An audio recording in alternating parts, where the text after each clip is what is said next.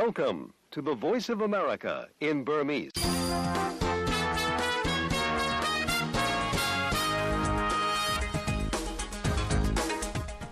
သောတာရှင်များသားချမ်းမြေ့တဲ့မင်္ဂလာမနက်ခင်းဖြစ်ပါစေဗျာ။ VOA American တန်ရဲ့2024ခုနှစ် February 18ရက်စနေမနက်ခင်းမြန်မာပိုင်းအစီအစဉ်တွေကို American ပြည်ထောင်စု Washington DC မြို့တော်ကနေ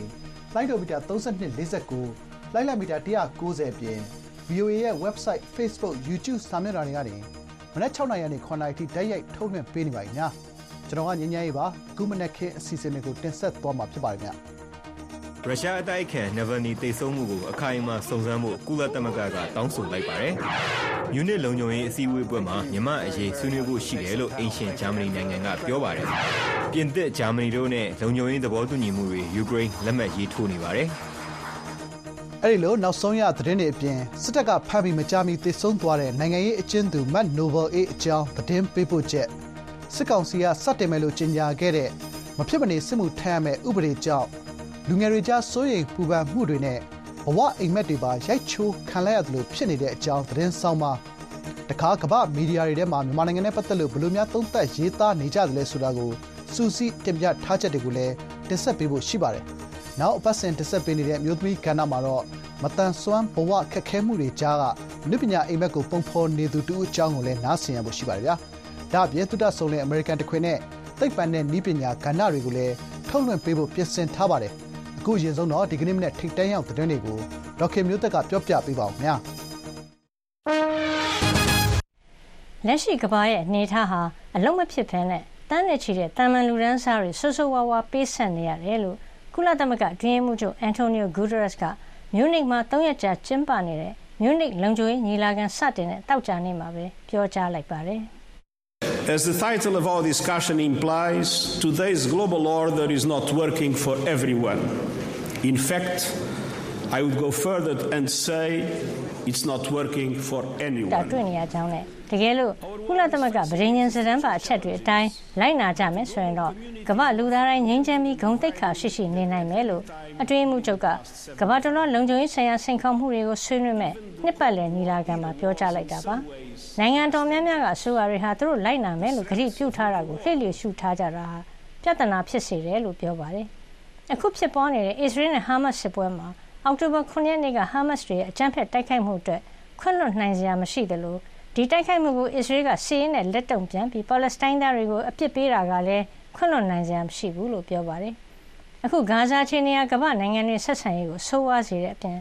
ဂါဇာမှာလူသားစာနာမှုအကူအညီအဓိကပေးနေတဲ့ရာဖာမြို့ဟာစစ်ရှောင်းတသန်းခွဲကျော်ခိုးလုံးနေတဲ့အတွက်အစ္စရေးတွေဝင်ပြီးတိုက်ရင်ကျုံရမယ့်အခြေအနေအတွက်ကမ္ဘာနိုင်ငံတွေဆွေးနွေးနေကြတယ်လို့ပြောပါတယ်။ဒါ့အပြင်နှစ်နှစ်ထဲဝင်လာပြီးဖြစ်တဲ့ရုရှားကျူးကျော်စစ်ဟာ ယူကရိန်းနိုင်ငံသား6တန်းကျော်ကိုတခြားနိုင်ငံတွေထွက်ပြေးခိုလုံစေတဲ့အပြင်ပြည်တွင်းလူပေါင်း15တန်းနီးပါးလဲလူသားစာနာမှုအကူအညီလိုအပ်နေပြီးတော့ကမ္ဘာစီးပွားရေးကိုပါရိုက်ခတ်နေတယ်လို့တတိပေးလိုက်ပါတယ်ဒီမြူနစ်လုံခြုံရေးညီလာခံကိုဂျာမနီနိုင်ငံမြူနစ်မြို့မှာ February 16ရက်ကနေ18ရက်နေ့ထိကျင်းပတဲ့အခါမှာမြန်မာနိုင်ငံရဲ့လက်ရှိအခြေအနေတွေကိုထည့်သွင်းပြီးဆွေးနွေးသွားဖို့ရှိတယ်လို့ရန်ကုန်ဂျာမနီတန်ယုံရဲ့ Facebook စာမျက်နှာမှာဖော်ပြထားပါတယ်။ ကမ္ဘာတလွှားကလုံခြုံရေးနဲ့ပတ်သက်တဲ့အရေးကြီးဆုံးစိန်ခေါ်မှုတွေနဲ့ပတ်သက်ပြီးအဆင့်မြင့်အရာရှိများအဆင့်ဆွေးနွေးပွဲမှာကမ္ဘာနိုင်ငံတွေကနိုင်ငံရေးစီးပွားရေးဆိုင်ရာအဆင့်မြင့်မူဝါဒချမှတ်သူတွေပညာရှင်တွေနဲ့အရက်ဖက်လူအဖွဲ့အစည်းတွေဒီညီလာခံမှာပါဝင်ဆွေးနွေးကြမှာဖြစ်ပါတယ်။2024ဟာမြူနစ်လုံခြုံရေးညီလာခံအနှစ်60ပြည့်တဲ့နှစ်လည်းဖြစ်ပါတယ်။ဒီညီလာခံမှာစီးမင်းစည်းကမ်းတွေကိုအခြေခံတဲ့နိုင်ငံတကာအမိန့်ထုတ်ပြန်ချက်ခိုင်မာစေဖို့ဆွေးနွေးမှာဖြစ်တယ်လို့ ပြန်လည်ပြင်ဆင်ရေးဆိုင်ရာသဘောထားတွေကမ္ဘာတလွှာလုံခြုံရေးဆိုင်ရာလှုပ်ဆောင်ချက်တွေအတွက်တုံ့ပြန်ဆောင်ရွက်ဖို့အားလုံးပါဝင်တဲ့မဟာမိတ်အဖွဲ့တစ်ခုတည်ထောင်ဖို့ပါအဓိကထားဆွေးနွေးမယ်လို့ဖော်ပြပါတယ်။ဒါ့အပြင်ဒီနီလာကမှာမြန်မာနိုင်ငံလက်ရှိအခြေအနေတွေကိုထည့်သွင်းဆွေးနွေးသွားဖို့လည်းရှိနေတာပါ။တနင်္လာရီတိုင်းတဝဲခင်းတရချောင်းမြို့နယ်ကကင်းရှည်ကျေးရွာမှာအောက်တိုဘာ15ရက်ကျတဲ့ပြည်နေ့ကအသက်17နှစ်အရွယ်ကလေးငယ်တူ မိုင်းနှင်းမိပြီးခြေတစ်ဖက်ပြတ်သွားတယ်လို့ဒေသခံတွေကပြောပါတယ်။ဒီရက်ပိုင်းတွင်မိုင်းနှင်းမိသူတွေရှိနေပြီးဒီမိုင်းတွေဟာစစ်ကောင်စီစခန်းချနေထိုင်တဲ့နေရာတွေမှာဖြစ်ကြောင်းလည်းပြောပါတယ်။အခုကလေးငယ်ကတော့ rubber channel နဲ့ဆော့ကစားနေရင်မိုင်းနှင်းမိတာဖြစ်ပြီးဘဲခြေတော့ပြတ်သွားတဲ့အတွက်ခွဲစိတ်ကုသနိုင်ဖို့မိသားစုလုံနေပါပြီ။ကျေးရွာအုပ်စု39ခုရှိတဲ့တရချောင်းမြို့နယ်ကဖျားစီဒီကုန်းမှာအာဏာစသိမ်းကလေးကစစ်ကောင်စီတပ်ဖွဲ့ဝင်တွေစခန်းချနေထိုင်တာဖြစ်ပြီး မကြသေးခင်ကမှတက်ဖြန်ပြီးဆုတ်သွားတာဖြစ်ကြောင်းလည်းဒေသခံတွေကပြောပါတယ်။အခုဒီဒေသတွေမှာမိုင်းရှင်းလင်းရေးမလုပ်ရသေးတဲ့အတွက်စိုးရိမ်ရတယ်လို့လည်းပြောပါတယ်။ပန်းတော်ရွာဘက်မှာလည်းစစ်ကောင်စီစစ်ကြောင်းထိုးပြီးနောက်တရက်ဖြစ်တဲ့ February 17ရက်နေ့မှာပန်းတော်ကျေးရွာသူအမျိုးသမီးတဦးရောဘတ်သွားချင်နဲ့မိုင်းနဲ့မှီတာကြောင့်ခြေတစ်ဖက်ပြတ်ခဲ့ရပါတယ်။အခုလိုမိုင်းအနေရရှိနေတဲ့အတွက်အိုးရင်ဆွန့်ခွာရှောင်ပြေးကြတဲ့ဒေသခံတွေဟာ တနင်္လာရီတိုင်းထဲမှာပဲတိုက်ပွဲကင်းမယ်လို့ယူဆရတဲ့နေရာတွေမှာရွှေ့ပြောင်းနေထိုင်ရင်အိမ်ကိုမပြန်နိုင်ကြသေးပါဘူး။တော်လိုင်းတပ်ဖွဲ့တွေကတော့ဒေသခံတွေဘုံခိုကျင်းတူးထားကြဖို့နဲ့ဒေချောင်းရန်သတိပေးချက်တွေကိုထုတ်ပြန်ပေးနေတာဖြစ်ပြီးမြေမြုပ်မိုင်းအန်ဒီရကိုသတိထားဖို့လည်းနှိုးဆော်နေကြပါတယ်။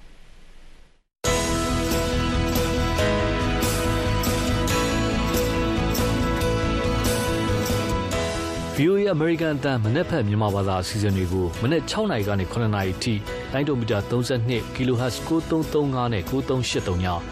လိုင်းဒိုမီတာ49 kHz 6153ည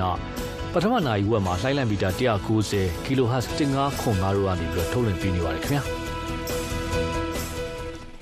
VOA American တန်ကအစနေမနေ့ကသတင်းတွေကိုဆက်လက်ကြီးညာနေပါတယ်။ American သမ္မတဂျိုးဘိုင်ဒန်ကသူဟာအစ္စရေးဝန်ကြီးချုပ်ဘန်ဂျမင်နန်တန်ယာဟူးနဲ့ခုရက်ပိုင်းတွေအတွင်းမှာပဲမကြာခဏတယ်လီဖုန်းဆက်ပြီးအချိန်တော်တော်ကြာဆွေးနွေးခဲ့တယ်လို့ဒဇာကန်တွေကယ်ထုတ်နိုင်မှုအတွက်ဂါဇာမှာယာယီအပြစ်ရဖို့ပန်ကြားခဲ့တယ်လို့တောက်ကြနေမှာပြောပါတယ်။အစ္စရေးဘက်ကအလုံးရဲနဲ့ဝင်ပြီးတော့ထိုးစစ်ဆင်တာမျိုးမလုပ်ဖို့သူမျှော်လင့်နေပေမဲ့ဒါဟာမဖြစ်နိုင်တဲ့အတွက်အခုလိုယာယီအပြစ်ရရေးလုပ်ဖို့ပန်ကြားတာဖြစ်ကြောင်းသမရအိမ်ဖြူမှာသတင်းတောက်တွေကိုပြောတာပါ။ အဲဒီမှာယာယီအပြစ်ရထားဖို့လိုအပ်နေတယ်လို့ပြောပါတယ်။အခုအဖမ်းခံရတဲ့ဒဇာကန်တွေထဲမှာအစ္စရေးတွေနဲ့မကပဲအမေရိကန်တွေပါပါနေတာဖြစ်ကြောင်းနဲ့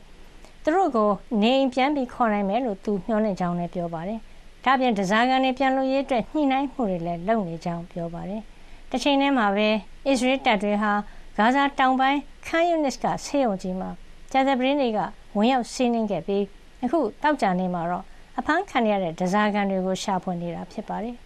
အခုလို စီးနင်းမှုအတွင်း ဆေးရုံကြီးရဲ့ လျှက်စစ်ဓာတ်ပေးဆက် ရပ်သွားတဲ့အတွက် လူနာ ၅ ဦး အောက်ဆီဂျင်ပြတ်ပြီးသေဆုံးခဲ့ရတယ်လို့ ဂါဇာ ကျမ်းမာရေးဝန်ကြီးဌာနက ပြောပါတယ်။အခုလို ဆေးရုံကြီးကို ဝင်ရောက်စီးနင်းရတာဟာ အဲဒီမှာ အစ္စရေးဒဇာကန်တွေပြင် သေဆုံးသွားတဲ့ဒဇာကန်ရုပ်အလောင်းတွေကိုပါ ရှိတယ်လို့ ထောက်လိုင်းသတင်းရထားတာဖြစ်ကြောင်း အစ္စရေး စစ်တပ်က ပြောပါတယ်။အခုချိန်ထိတော့ဒဇာကန်တွေကိုရော ရုပ်လောင်းတွေကိုပါ မတွေ့သေးဘူးလို့ အစ္စရေး စစ်တပ် တာဝန်ရှိသူက ပြောပါတယ်။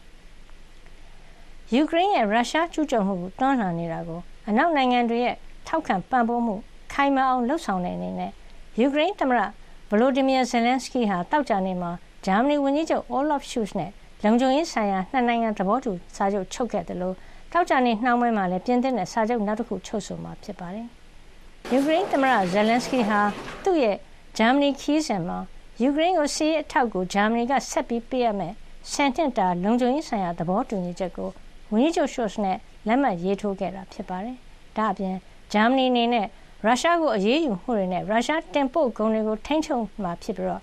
ယူကရိန်းကိုဂျာမနီကနေဆက်လက်ပံ့ပိုးမှာဖြစ်ကြောင်းဝန်ကြီးချုပ်ရှော့စ်ကပြောပါတယ်။ဂျာမနီကအမေရိကန်ဒေါ်လာ1.2ဘီလီယံတန်ဖိုးရှိတဲ့စီးအကူအညီကိုချက်ချင်းပေးဖို့ပြင်းနေကြောင်းနဲ့အဲ့ဒီထဲမှာဟာဝစ်ဆာအမြောက်36လက်ခင်းရမိကြောက်3,200အပြင် လေကြောင်းကာကွယ်ရေးစနစ်နှစ်ခုလည်းပါဝင်ကြောင်းပြောပါတယ်။အခုလိုရေရှည်လုံခြုံရေးဆိုင်ရာသဘောတူညီချက်ကိုချုပ်ဆိုတာဟာတမိုင်းဝင်ခြေလှမ်းတစ်ဖြစ်တယ်လို့လည်းပြောပါတယ်။ယူကရိန်းဟာပြီးခဲ့တဲ့လကဗြိတိန်နဲ့သဘောတူညီမှုလက်မှတ်ရေးထိုးနိုင်ခဲ့တယ်လို့အခုလည်းဂျာမနီနဲ့ချုပ်ဆိုနိုင်တာဖြစ်ပါတယ်။တောက်ကြနေ့နှောင်းပိုင်းမှာလည်းပြင်သစ်သမ္မတအီမန်နျူရယ်မက်ခရွန်နဲ့နောက်ထပ်စာချုပ်တစ်ခုကိုချုပ်ဆိုဖို့ရှိတယ်လို့တခြားနိုင်ငံတွေနဲ့လည်းသဘောတူညီချက်တွေချုပ်ဆိုဖို့ယူကရိန်းကစီစဉ်နေပါတယ်။ ရုရှားအတိုက်ခံခေါင်းဆောင်အလက်ဆီနိုဗယ်နီအကျဉ်းချနေစဉ်သေဆုံးခဲ့တယ်ဆိုတဲ့သတင်းကြောင့်အံ့ဩတုန်လှုပ်ခဲ့ရကြောင်းကုလသမဂ္ဂအတွင်းမှုချုပ်အန်တိုနီယိုဂူဒရက်စ်ကတောက်ကြနေမှာပြောကြားလိုက်တယ်လို့သူ့ရဲ့သေဆုံးမှုအတွက်ယုံကြည်စိတ်ချရတဲ့စုံစမ်းစစ်ဆေးမှုတွေကိုတောင်းဆိုလိုက်ပါတယ်။အခုလိုသေဆုံးမှုအတွက်ဝမ်းနည်းကြေကွဲရကြောင်းမစ္စတာနဗယ်နီရဲ့မိသားစုဝင်တွေကိုအတွင်းမှုချုပ်ကပြောကြားလိုက်ပြီးသူဖမ်းခံရစဉ်သေဆုံးမှုအတွက်ပွင့်လင်းမြင်သာမှုရှိပြီး ယုံကြည်စိတ်ချရတဲ့စုံစမ်းစစ်ဆေးမှုတွေလုပ်ပေးဖို့ပါတောင်းဆိုလိုက်တာပါအသက်48နှစ်အရွယ်နဗယ်နီကိုအစွန်းရောက်မှုနဲ့ထောင်ဒဏ်16နှစ်ပြစ်ဒဏ်ပေးပြီးလုံခြုံရေးတွေတင်းတင်းကြပ်ကြပ်ချထားတဲ့အကျဉ်းထောင်မှာထားတာဖြစ်ပါတယ်သူသူ့မိသားစုကတော့ဒီသေဆုံးမှုကိုအတည်ပြုနိုင်အောင်တောက်ကြနေမှာပဲစူးစမ်းနေတာပါရုရှားသမ္မတဗလာဒီမီယာပူတင်ကိုပြင်းပြင်းထန်ထန်ဝေဖန်လက်ရှိတဲ့နဗယ်နီဟာအာဂရိလိုက်စားမှုတိုက်ဖျက်ရေးလှုပ်ဆောင်နေသူတူဖြစ်ပြီးအခု သမ္မတပူတင်ကိုနောက်ထပ်6နှစ်အာဏာဆက်ပြီးယူနိုင်အောင်လုပ်ဖို့များတဲ့ရွေးကောက်ပွဲမကျင်းပခင်တလအလိုမှာပဲအခုလိုတည်ဆုံသွားတာဖြစ်ပါတယ်။ကုလသမဂ္ဂဆိုင်ရာအမေရိကန်တမန်ကြီးလင်ဒန်သောမတ်ဂရင်းဖီးကတော့နဗယ်နီအခုလိုတည်ဆုံရတာဟာရုရှားအစိုးရရဲ့မယမနာဖိနှိပ်မှုကြောင့်ဖြစ်ကြောင်းပြောပါတယ်။ကုလသမဂ္ဂလူခွင့်ရေးဆိုင်ရာယုံကတော့ရုရှားအစိုးရအနေနဲ့နိုင်ငံရေးသမားတွေလူခွင့်ရေးရှေ့နေတွေသတင်းတောက်တွေနဲ့လူခွင့်ရေးဆိုင်ရာလှုပ်ဆောင်နေသူတွေကို ထောင်သွင်းအကျဉ်းချပြီးတော့ဖမ်းဆီးနှိပ်စက်ညှဉ်းပန်းတာတွေမလုပ်ဖို့အတွက်တောင်းဆိုလိုက်ပါတယ်။ Direct from Washington, the voice of America, VOA. စနေမနက်ခင်းထိတ်တန့်သတင်းတွေကိုဒေါက်ခင်မျိုးသက်ကကြီးညာပေးခဲ့တာဖြစ်ပါတယ်ဗျာ VOA ကအခုထုတ်လွှင့်နေတဲ့အစီအစဉ်ကို burmese.voanews.com အင်တာနက်စာမျက်နှာမှာလည်း ကျွန်တော်တို့ထုတ်လွှင့်နေတဲ့တပြိုင်တည်းမှာပဲကြည့်ရှုနားဆင်နိုင်ပါတယ်ဒါ့အပြင်အဲဒီမှာသတင်းတွေစောင်းမားတွေတွေ့ဆုံမေးမြန်းခန်းတွေနဲ့သတင်းသုံးသပ်ချက်တွေကိုလည်းအချိန်မီရေးဝင်ရောက်ကြည့်နိုင်ပါတယ်ဗျာမိမိရဲ့သဘောထားအမြင်တွေကိုလည်း VOA Burmese Facebook နဲ့ YouTube ကအခုထုတ်လွှင့်ချက်တွေမှာဓာတ်ရိုက်မှတ်ချက်ပြုနိုင်ပါတယ်အခုကစလို့တော့သတင်းပေးပို့ချက်စောင်းမားနဲ့အပတ်စဉ်ကဏ္ဍတွေကိုစက်တိုက်တင်ဆက်သွားပါမယ်အခုတော့စစ်ကောင်စီလက်ထက်အဖမ်းခံရရင်သေဆုံးသွားတယ်ဆိုတဲ့နိုင်ငံရေးအကျဉ်းသူတူဦးကျောင်းသတင်းပေးပို့ချက်ကိုစတင်တင်ပြပေးပါမယ်။ပဲခူးတိုင်းဝေါမြို့နယ်ထဲမှာ ဖမ်းဆီးခံခဲ့ရတဲ့ နိုင်ငံရေးအကျဉ်းသူမတ်နိုဘယ်အေးနဲ့ လူငယ်တဦးကို စစ်ကောင်စီတပ်ကတနက်ပင်မြို့နယ်ကြိုက်လက်ကြီးရွာအနီးမှာပြစ်တက်ခဲ့ပြီး သေဆုံးသွားခဲ့ပြီဆိုတာကို ခိုင်လုံတဲ့ နယ်မြေခံတွေကနေတဆင့် အတီးပြုတ်နိုင်ကြောင်း မိသားစုက ပြောပါတယ်။ဒီသတင်းကို VOA သတင်းတောက်မအေးမာက သတင်းပေးပို့ထားပါတယ်ခင်ဗျာ။ပဲခူးတိုင်း ဝေါမြို့နယ်ထဲမှာ လက်နက်တွေနဲ့အတူ ဖမ်းဆီးခံခဲ့ရတဲ့ နိုင်ငံရေးအကျဉ်းသူဟောင်းမတ်နှင်းမေအောင် ခေါ်မတ်နိုဘယ်အေးဟာ ဖမ်းဆီးခံရပြီးကတည်းက မိသားစုနဲ့အဆက်အသွယ်မရဖြစ်ခဲ့ပြီးအခုအခါမှာတော့သေဆုံးသွားခဲ့ပြီလို့အတည်ပြုနိုင်ကြောင်းမောင်ဖြစ်သူကိုထက်မြတ်ကပြောပါတယ်ဟိုထွက်ပြေးတယ်ဆိုတဲ့အကြောင်းပြချက်နဲ့တက်လိုက်တယ်ဆိုတဲ့ဟာပေါ့နော်အဲ့ဒါအအောင်ကိုဟင်းခေါ်လေခွင်းကအဲ့မှာအနေရတယ်ပွဲချင်းပြီးတည်တယ်လို့ကြားပါတယ်ဗျဆိုမနုဘယ်ရေးကတော့ဘယ်နေ့ပဲချိန်မှာတည်တယ်ဆိုတော့ဟိုကြာဆုံးသွားတယ်ဆိုတော့မသိဘူးဒါပေမဲ့သူမရှိတော့ဘူးကြာဆုံးသွားပြီဆိုတဲ့သတင်းကိုတော့ ဟုတ်ကဲ့ UNG ဟိုဟိုဝေါ်မျိုးနယ်ပါဖဟိုဟာတွေကနေပါဖဖွဲ့တွေကနေဟိုအတီးပြုပြောကြားလာပါတယ်ဗျကျွန်တော်မှအခုလက်ရှိဟိုတည်ဆုံးသွားတယ်ကြာဆုံးသွားတယ်ဆိုတဲ့ဟာကအဲတော်တော်များများကလည်းပြောတယ်နင်းမြေကန်စုဖက်မှုတွေကနေတစင်ပြောလာတဲ့အတွက်ကြောင့်ကျွန်တော်တို့ကဒီလိုပဲဖြစ်ဖြစ်ဆိုတဲ့အစိုးဆုံးကိုညှိနှိုင်းထားရမယ်ဆိုတဲ့ ခံစားချက်နဲ့ပဲဟိုဒီဥစ္စာတော့ဟိုကျွန်တော်တို့အမှားတော့တန်းပြီးအတွက်အသက်ဆွန့်သွားပြီလို့ပဲကျွန်တော်တို့ဟိုအတည်ပြုထားလိုက်ရတယ်ပေါ့ဘုရားဒေတာကြီးတိုင်းလွတ်တော်ကိုယ်စားလှယ်ကပြောလာတဲ့ဟာကလည်းသူတာဝန်ယူပါတယ်လို့ပြောတာကိုမင်းထက်တာကလည်းသူတာဝန်ယူပါတယ်ဒီသတင်းနဲ့ပတ်သက်ပြီးတော့ခိုင်လုံပါတယ်လို့ပြောလာပါတယ်သူ့နာမည်ကိုထုတ်သုံးပြီးတော့ပြောပါဆိုတဲ့ဟာပြောလို့ရပါတယ်ဆိုတဲ့ဟာလည်းပြောလာပါတယ်ဒီသတင်းနဲ့ပတ်သက်ပြီး ICRC ကမ္ဘာချက်ချင်နေတဲ့အဖွဲ့ကလည်းလိုက်လံစုံစမ်းနေပြီးမဲ့မိသားစုဝင်တွေမပါတာကြောင့် စုံစမ်းမရဖြစ်နေတယ်လို့လည်းဆိုပါတယ်အခုအခါမှာတော့ ICRC ကမိသားစုတွေရဲ့သဘောတူညီချက်ရယူခဲ့ပြီးစုံစမ်းမှုတွေဆက်လုပ်သွားမယ်လို့အသိပေးလာတယ်လို့လည်းပြောပြပါတယ်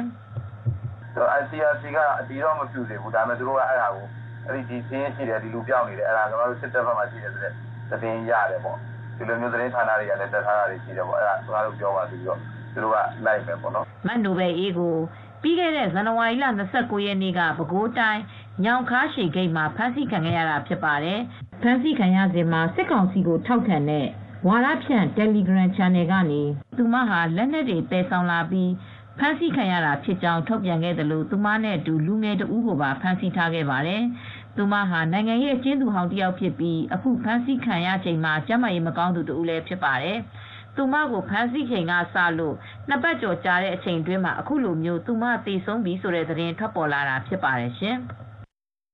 မအေးမာသတင်းပေးပို့ခဲ့တာပါဗျာအခုတော့အာနာသိန်းစစ်တပ်ကတင်းစစ်မှုထမ်းခိုင်းမှုကြီးညာခဲ့လို့အိမ်မက်ပြိုကွဲရသူလူငယ်ချို့အကြောင်းသတင်းဆောင်းပါးနဲ့ဆက်ပါမယ်အရွယ်ရောက်ပြီးသူအမျိုးသားအမျိုးသမီးတိုင်းမဖြစ်မနေစစ်မှုထမ်းရမယ်ဥပဒေကြောင့်လူငယ်တွေကြားစိုးရိမ်ပူပန်မှုတွေနဲ့ဘဝအိမ်မက်တွေပါရိုက်ချိုးခံရတယ်လို့လူငယ်တချို့ကပြောလာပါတယ်လူငယ်အများပြားပြင်ပနိုင်ငံတွေကိုထွက်ဖို့ပြင်ဆင်လာကြသလို PDF ပြည်သူ့ကာကွယ်ရေးတပ်တွေနဲ့ပူးပေါင်းလိုသူတွေလည်းများလာတဲ့အကြောင်း AFP သတင်းဆောင်းပါးကိုအခြေခံပြီးမခင်ဖြူထွေးကတင်ပြထားပါတယ်။အသက်၁၈နှစ်ကစလို့အရွယ်ရောက်ပြီးသူအမျိုးသားမျိုးသမီးတွေမဖြစ်မနေစစ်မှုထမ်းရမယ့်ပြည်သူ့စစ်မှုထမ်းဥပဒေကိုဖေဖော်ဝါရီလ၁၀ရက်နေ့မှာစတင်အသက်ဝင်တယ်လို့မြန်မာစစ်ကောင်စီကကြေညာလိုက်တာကြောင့်လူငယ်တွေကြားမှာစိုးရိမ်ပူပန်မှုတွေနဲ့မရေရာမှုတွေပိုပြီးဖြစ်လာစေခဲ့ပါတယ်။ အာနာသိမ်းမှုကြောင့်လူငယ်တွေကလမ်းပြောက်ခဲ့ရတဲ့လူငယ်တွေရဲ့ဘဝတွေကိုထပ်ပြီးရိုက်ချိုးလိုက်တယ်လို့ခံစားရတယ်လို့အသက်20အရွယ်ကျောင်းသူတူဖြစ်တဲ့မဝဝကပြောပါတယ်။အဓိက target ကလူငယ်တွေဖြစ်တယ်။အဲလူငယ်တွေကိုစပြီးတော့သူတို့ target ထားလိုက်တဲ့အချိန်မှာလူငယ်တွေမှာပထမကတည်းကအနာဂတ်ပြောင်းနေတဲ့လမ်းအကုန်လမ်းပြောင်းနေတဲ့အချိန်မှာသူတို့ကသူတို့လုံးလိုက်တဲ့အတွက်အကုန်လုံးရွှေဟုတ်တဲ့တဲ့ဖြစ်ပြီးတော့နားလဲနာကြည့်ရောဝမ်းလဲဝမ်းနေကြောက်စိတ်ကလည်းပို့ပြီးတော့လွှမ်းမိုးလာတယ်ပေါ့လေ။သူတို့အနာဂတ်ကပထမကရေစုံမျိုးနေတဲ့အချိန်မှာအခုစစ်တပ်ခဲ့တဲ့လိုမျိုးထုတ်ပြန်လိုက်တဲ့ထုတ်ပြန်ချက်က ဒီစစ်တပ်ကအမှားဆုံးလုပ်ရတဲ့ခုလေးဖြစ်မယ်။ပြီးတော့သူတို့ရဲ့ဒီအကြီးမားဆုံးသူတို့အိမ်မက်ကိုရိုက်ချိုးလိုက်တဲ့အရာတစ်ခုလို့လည်းမြင်ပါတယ်။မကြာသေးခင်လပိုင်းတွေအတွင်းမြန်မာစစ်တပ်ဟာတိုင်းရင်းသားလက်နက်ကိုင်အဖွဲ့တွေ PDF ပြည်သူ့ကာကွယ်ရေးပူးပေါင်းတပ်တွေနဲ့ဖြစ်တဲ့တိုက်ပွဲတွေမှာအကျအဆုံးများပြီးစစ်စခန်းတွေဇက်တိုက်လက်လွတ်ဆုံးရှုံးခဲ့ရတာကြောင့်တပ်ဖွဲ့အင်အားထပ်မံဖြည့်ဆည်းဖို့အတွက်အပြင်းထန်လှုံ့ဆော်နေတာလို့ဝေဖန်ကြတာတွေရှိသလိုဒီလိုအတင်းအကျပ်အသက်သွင်းလာတဲ့စစ်မှုထမ်းဥပဒေဟာ လူငယ်တွေကိုစစ်မြေပြင်မှာလူသားတိုင်းအဖြစ်အသုံးချဖို့ပြင်ဆင်တဲ့လုပ်ရက်ဆိုပြီးရှုံချကြသူတွေလည်းရှိပါတယ်။နယ်မြို့တချို့မှာလူငယ်လူရွယ်တွေကိုစစ်တပ်ကအတင်းအကျပ်ခေါ်ဆောင်သွားတယ်ဆိုတဲ့တိကျအတည်မပြုနိုင်တဲ့သတင်းတွေလည်းထွက်ပေါ်နေပါတယ်။စစ်ကောင်စီပြောခွင့်ရဗိုလ်ချုပ်စောမင်းထွန်းကတော့ဒီဥပဒေဟာနိုင်ငံသားတိုင်းနိုင်ငံတော်ကာကွယ်ရေးတာဝန်ကိုထမ်းဆောင်ဖို့အတွက်ဖြစ်တယ်လို့ပြောဆိုထားပါတယ်။လူငယ်တွေကတော့စစ်ကောင်စီတပ်ဖွဲ့ထဲမှာအတင်းအကျပ်စစ်မှုထမ်းခံရမှာကိုစိုးရိမ်ကြောက်ရွံ့နေကြတယ်လို့မဝဝကပြောပါတယ်။ ဆက်ဆက်ဆုံးထွက်လာတော့ငါဆိုရင်လုံးဝတုံ့မှောက်သွားတယ်တွေ့ပြပြီးတော့အာဒါတကယ်ရောဟုတ်ရဲ့လားအာလိုက်ပြီးတော့ဟိုဒါကောလာဟာလာဖြစ်မှာဆိုလို့ဟိုကလိုက်မီဒီယာလိုက်နေတော်တော်တွေ့ပြသွားတဲ့အနေထားမှာရှိတယ်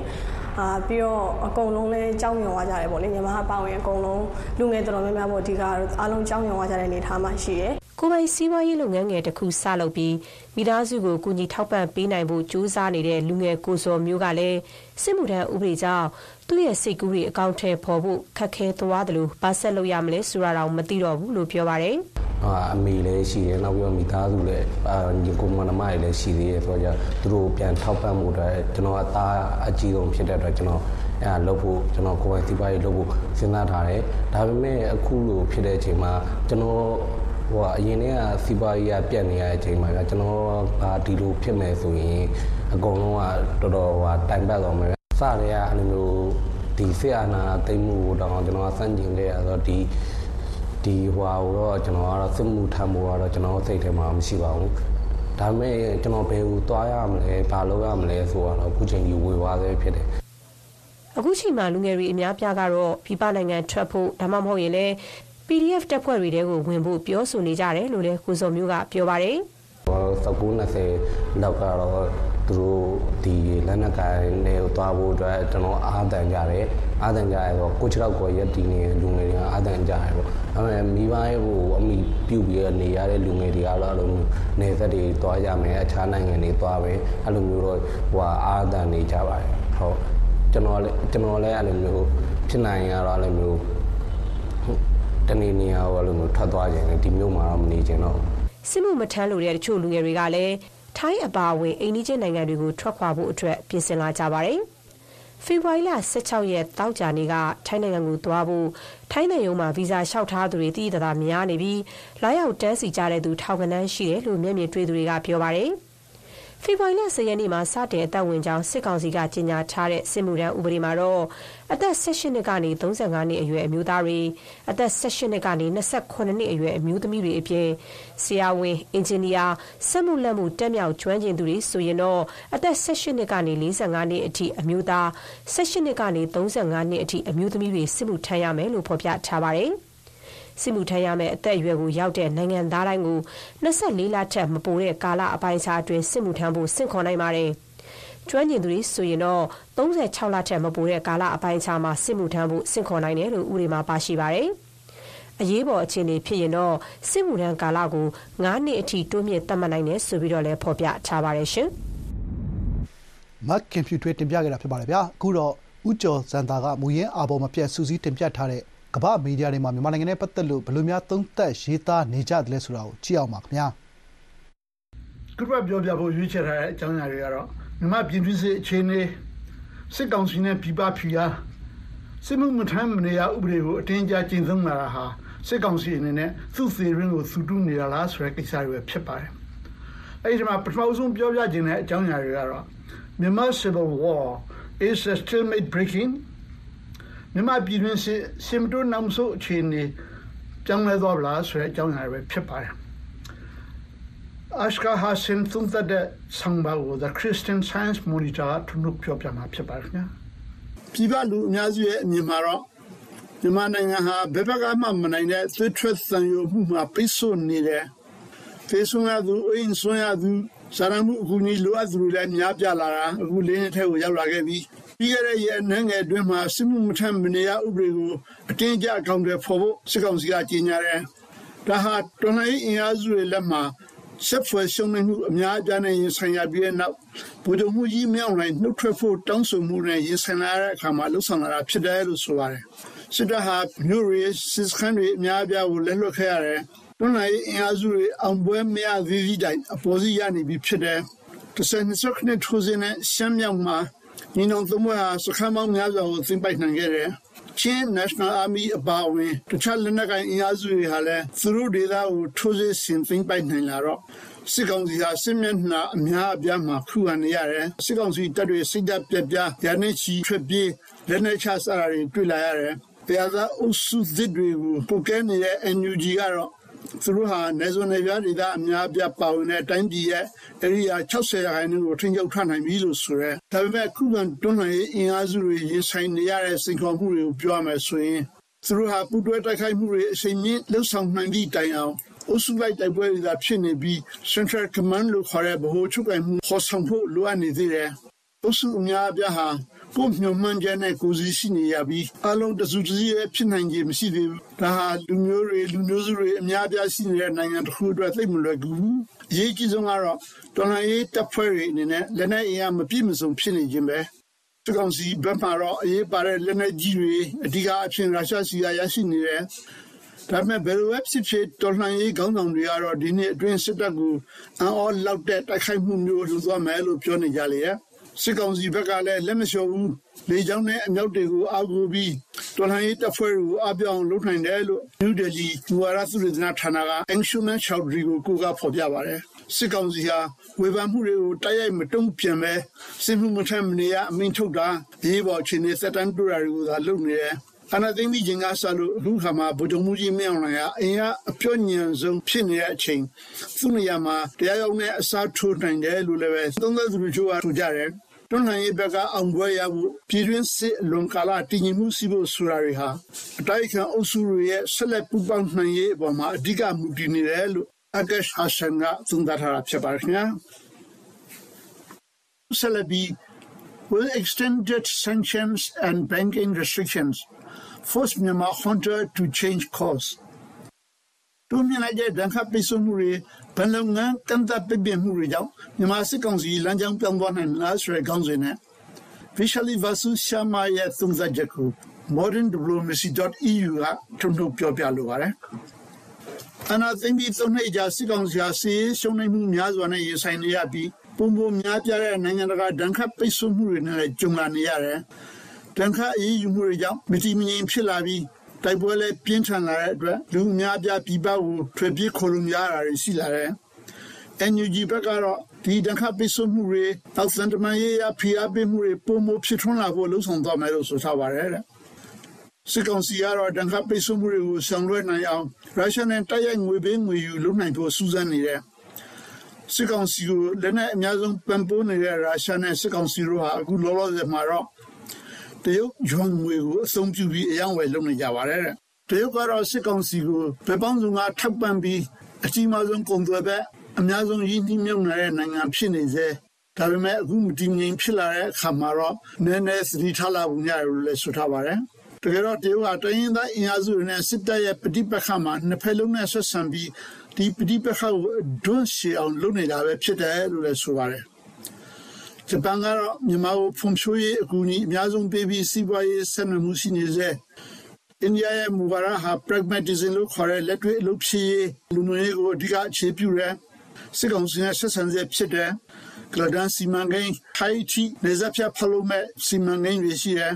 ။အာဆီယံရဲ့မူငါချက်ကတော့စစ်ကောင်စီပေါ်မှာအကျိုးသက်ရောက်မှုမရှိဘူး။အခုတော့စစ်ကောင်စီဟာသူ့ရဲ့အဓိကမဟာမိတ်တွေဖြစ်တဲ့တရုတ်ရုရှားနဲ့အိန္ဒိယတို့ ပါဝင်တဲ့ BRICS အဖွဲ့ဝင်ဖြစ်ဖို့နီလန်ရှာနေတယ်လို့လည်းဆိုထားပါတယ်။စစ်ကောင်စီဖို့တော့အာဏာဆက်လက်တည်မြဲရေးဟာအဓိကဖြစ်နေတယ်ဒီအချိန်မှာစစ်ကောင်စီကိုဖယ်ရှားနိုင်ဖို့ဟာစစ်မြေပြင်အခြေအနေပေါ်မှာလုံးဝမူတည်နေပါတယ်တဲ့မကြသေးမီကတပ်ပြေးတွေများလာတယ်ထိခိုက်ဒဏ်ရာရမှုတွေကြာစုမှုတွေများလာပြီးစိတ်ဓာတ်ပြပြနေတဲ့အတွက်ဗိုလ်ချုပ်မှုကြီးမင်းအောင်လှိုင်ဆက်လက်ပြီးထိန်းထားနိုင်ပါမလားဆိုတာသံသယရှိစရာဖြစ်လာနေပြီဒါပေမဲ့ ဒီဖြစ်လာတော့မဲ့မြန်မာစစ်တပ်ကြာစုမှုနောက်ပိုင်းမှာတိုင်းသားရင်းအားစုတွေအကြဘုံသဘောတူညီမှုရရှိနိုင်ရေးမမြင်ရတဲ့အတွက်လုံခြုံရေးဆိုင်ရာအကြတဲ့ security dilemmas တွေကြီးထွားလာနိုင်တယ်လို့သုံးသပ်ထားပါတယ်ခင်ဗျာ။သမရှင်ဟာအိန္ဒိယလုံခြုံရေးကောင်စီရဲ့အတိုင်းအမြံတူဖြစ်ခဲ့ပြီး New Delhi အခြေစိုက် Policy Perspectives Foundation ရဲ့အဖွဲ့ဝင်တူလည်းဖြစ်ပါတယ်။ခုနောက်ဆုံးပြောပြလိုတာကတော့ with conscription law Myanmar generals are digging their own graves. စမှုမထမ်းမနေရဥပဒေနဲ့မြန်မာစစ်ဗိုလ်ချုပ်တွေသူတို့သေတွင်သူတို့တူနေကြခြင်းဆိုတဲ့ခေါင်းစဉ်နဲ့ဒီအရာဒီမှာရေးသားထားတဲ့အကြည့်တဲ့အဘော်ပဲဖြစ်ပါတယ်စစ်ကောင်စီဟာဒီအသားတွေကိုပေါ်တာဆွဲဖို့လုပ်နေပြီလို့လူများကစိုးရိမ်နေကြသလိုတချို့ကလည်းလူငယ်တွေဟာစစ်တပ်စင်ကြီးတပ်ဖွဲ့တွေစီပုံမဝင်ရောက်သွားကြလိမ့်မယ်လို့တွက်နေကြပါတယ်ဒါပေမဲ့အနာသိမ့်ပြီးခြင်းကလေးက လက်နက်ကင်တွန်းလှန်ရေးဘက်ကိုလူငယ်တွေအများပြဝင်ရောက်သွားကြတာအခုဆိုရင် PDF တပ်ဖွဲ့တွေမှာအင်အားတသိန်းလောက်တောင်ရှိနေပြီးလက်နက်အင်အားဒါမှမဟုတ်လေ့ကျင့်သင်ကြားမှုအလုံးလောက်မရတာပဲရှိတယ်လို့ပြောထားပါတယ်။ဒီစစ်မှုမထမ်းနေရဥပဒေကိုစစ်ကောင်စီအနေနဲ့အောင်အောင်မြင်မြင်အကောင့်ထဲဖော်နိုင်မှာမဟုတ်ဘူးလို့အသေးချာပြောနိုင်ပါတယ်။65နှစ်သက်တမ်းရှိလာပြီးရခင်ပဲအစိုးရကမှအတင်းကြပ်မလုပ်ခဲ့တဲ့ဒီဥပဒေကို စစ်တပ်ကအခုလိုလုပ်လာတာဟာမကြသေးမီကကာလတွေအတွင်းဒေါ်လာရေးအင်အားစုတွေနဲ့ရှင်ပြန်ရမှာအများအပြားထိခိုက်ကြဆုံးခဲ့ရမှုတွေကြောင့်လူအင်အားအပူတပြင်းလိုအပ်နေတဲ့ဆိုတာကိုပြသလိုက်တာပဲဖြစ်တယ်စစ်ပြန်တွေတပ်ပြေးတွေပြမှုကျူလွန်သူတွေခွင့်မဲ့ပြက်ကွက်သူတွေကိုပြန်ခေါ်ပြီးအင်အားပြန်ဖြစ်ဖို့ကြိုးစားခဲ့ပေမဲ့ပြန်လာသူသိမရှိခဲ့လို့ပြန်ရမရအခုလိုလုပ်လာတယ်လို့လည်းဆိုပါတယ် ဒီဥပဒေဟာစစ်ကောင်စီအနေနဲ့ပြည်သူတွေစီကငွေညှစ်ဖို့နည်းလမ်းတစ်ခုပဲဖြစ်တယ်အထူးသဖြင့်သူတို့သားသမီးကိုစစ်မှုမထမ်းစေလိုတဲ့ငွေကြေးတတ်နိုင်သူတွေကိုငွေညှစ်ဖို့စီစဉ်တာဖြစ်တယ်။စင်းရဲနံပါတ်သူတွေကိုလည်းချမ်းသာပေးမှာမဟုတ်ဘူး။ဆိုတော့စင်းရဲနံပါတ်ရဲ့မိဘတွေကသူတို့သားသမီးကိုပြေတော့လို့ပဲပြောစရာရှိတော့တယ်ဆိုထားပါတယ်။ဒါကြောင့်ဗိုလ်ချုပ်မှုကြီးမင်းအောင်လှိုင်ဟာ ရရကောက်ရုံမြင်ကိုလှမ်းဆွဲနေတာပဲဖြစ်တယ်။သူနဲ့သူအဆက်အနွယ်ကိုကယ်တင်ဖို့အတွက်အခုလောက်ရဟာနောက်ဆုံးကောက်ရုံမြင်ပဲဖြစ်တယ်။သူအနာသိမ့်ပြီးငါစားလို့လူငယ်တွေဟာအထူးနစ်နယ်ခဲ့ရတယ်။စံကျင်ဆန္ဒပြတာကိုရဲဆက်ဆက်ချေမှုတဲ့အခါသူတို့ရဲ့ဆွေမျိုးအတိုင်းဝိုင်းတွေမိတ်ဆွေရောင်းရင်းတွေပြစ်သက်ခံခဲ့ရတာထုံချခံခဲ့ရတာကိုဒီလူငယ်တွေမြင်ခဲ့ရတဲ့အတွက်လက်နက်ကင်တော်လှန်ရေးတပ်ဖွဲ့ကိုဝင်ရောက်ခဲ့ကြတယ်စီးပွားရေးအကြက်တဲနဲ့အလုပ်ကိုင်းပညာရေးဆုံးရှုံးရတယ် ဆိုတော့စစ်ကောင်စီလောက်မှာသူတို့ဘဝအနာကလုံးဝကင်းမဲ့နေတယ်ဒီလိုအခြေအနေမျိုးမှာစစ်မှုမထမ်းမနေရဥပဒေလောက်လာတော့ဒီလူငယ်တွေဟာဆက်နေရမှာလားထွက်ပြေးရမှာလားစစ်တပ်ကတော့ကရူတင်နဲ့မှာပဲဆက်နေလေဦးမယ်ဆက်လက်ပြီးတူးနေလေဦးမှာဖြစ်တယ်အဲဒါမဲ့ဒီဒီချိန်မှာစစ်ကောင်စီတူးနေတာကသူတို့ရဲ့သေရင်းကိုသူတို့တူးနေတာပဲဖြစ်တယ်လို့အဲဒီမဂ္ဂဇင်းရဲ့အဒီတာအပေါ်မှာရေးသားထားတာကိုတင်ပြလိုက်ရပါခင်ဗျာ ဒီဘက်တော့လောက်ပဲဖြစ်ပါတယ်နောက်တစ်ပတ်မှာဘယ်လိုများသုံးသပ်လဲဆိုတာကိုကျွန်တော်စောင့်မျှလိုက်ကြပါစေအားလုံးကျေးဇူးတင်ပါတယ်မသေးချာမရေရာမှုတွေနဲ့ပြည့်နှက်အပြောင်းအလဲတွေများတဲ့ကဘာကြီးမှာကျမတို့ကြားသလိုမြင်သလိုဖြစ်မလာတဲ့အခါအမှန်တရားကိုရှာဖွေကြရပါတယ်။တည်င်းကိုတပိုင်းတစပဲကြားသိရတဲ့အခါအယုတ်အကြီးမဲ့သွားနိုင်ပါတယ်။ အချက်အတဲကာလတွေမှာကျမတို့ရဲ့အိမ်မက်တွေပျော်လင့်ချက်တွေပိုကောင်းတဲ့မနှက်ဖြန်တွေကိုတောင်းတမိတာတွေကတည်င်းလွတ်လပ်ခွင့်ပေါ်မှာမူတည်နေပါတယ်။ကျမတို့ VOA ကအန်ဒီရဲ့ဂျားကသတင်းတွေကိုတင်ဆက်ပေးနေပါတယ်။ကဘာကြီးနဲ့ချိတ်ဆက်ပေးပြီးအမှန်တရားကိုစောင့်ကျင်းပေးနေပါတယ်။ VOA American အတန်ကတ သတင်းမှန်တွေကိုဗတ်ပေါင်းစုံကတင်ပြပေးနေပါတယ်ရှင်။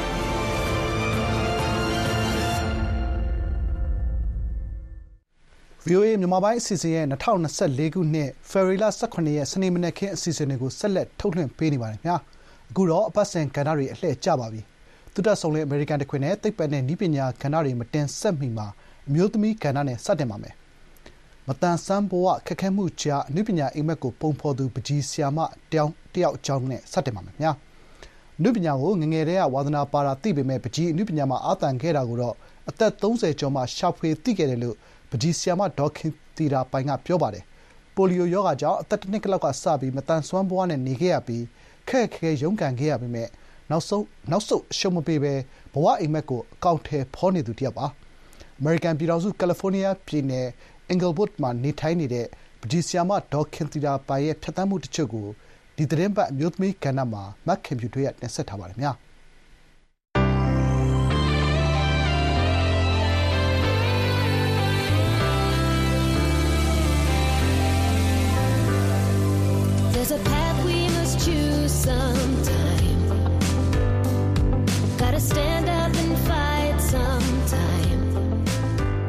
There's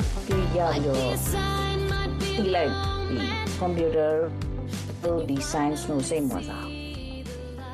အမအတော်တယောက်က career counselor မှာသွားပြီး appointment လုပ်ပြီးသွားစစ်ဆေးကြည့်လိုက်ဆိုတော့အဲ့မှာစစ်ဆေးကြည့်လိုက်တော့တစ်လကြာတယ်သူနဲ့ appointment နေသူက assignment တွေဟိုအိမ်စာတွေပေးလိုက်တယ်ဒါတွေကို phone တွေဖြည့်နေဘဲရမှာအာတန်နေဆိုအမသူက fine art မှာအာတန်တာတဲ့သူကပြောတယ်ဆိုတော့အဲ့မှာ တခြား counselor နဲ့သွားပြီးစကားပြောလိုက်တယ်ဒီ science ကိုမယူတော့ဘူး art ကိုပြောင်းတော့မယ်ဆိုတော့သူကပြောတယ်သတိထားနော်တဲ့ art တွေကအရန်ခက်ခဲတယ်တဲ့ art ကိုလိုက်စားဖို့ဆိုတာသိတယ်လို့ပြောဆိုတော့အခုတကယ်ကိုယ့်ဆရာကြီးတွေ fine artist Van Gogh တို့ဘာလို့ဆိုရင်အသက်ရှင်တော့ဆိုရင်ဘယ်သူမှသူ့ပကြီးကိုလက်မခံအောင် style လည်းမတူတော့အဲ့ခေတ်တုန်းကဘယ်သူမှမသူ့မကြိုက်ဒါပေမဲ့ အခုသူသေပြီးနောက်နေ့ကျတော့ဟာသူ့ပကြီးတွေအရန်ကဘာကျော်ဖြစ်သွားတယ်ဒီကဘာကျော်ဆရာကြီးတွေရဲ့ဒီပကြီးတွေကနောက်ပိုင်းမှာသူတို့သေသွားမှပေါ်ပြီးလို့ဖြစ်တယ်ဆိုတော့သိတယ်ဆရာမတယောက်ကလည်းပြောဘူးတယ်ဆိုတော့ဟိုဒါအဆမ်းမဟုတ်တော့ဘူးနောက်ပြီးတော့ဘဝမှာဘာမှမဘဝမှာဘယ်ဟာမှလွတ်လပ်ကိုမရခဲ့ဘူးအမြဲတမ်း fight လုပ်ပြီးမှ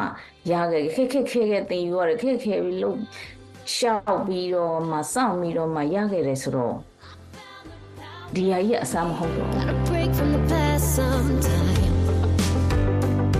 Gotta color outside of the lines. Gotta reach. science ကနေ art ပြောင်းတဲ့အချိန်မှာ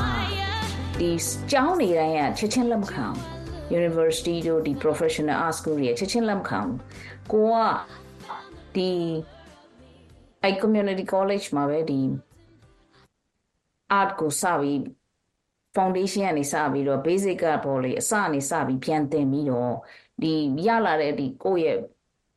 portfolio ပေါ်ဒီဆွဲထားတာတို့ဘာတို့ကိုစုစုပြီးတော့ဒီဒီ city university တို့ state university တို့ဒီ private school ကိုကြိုက်တဲ့ private school ဒီ art school တွေမှာတော်တော်ပြရတယ်ဒုတိယအကြိမ် တတိယအကြိမ်မှာလက်ခံပါတယ်ကိုကြိုက်တဲ့ school ဒီ oldest ဆိုတာဒီ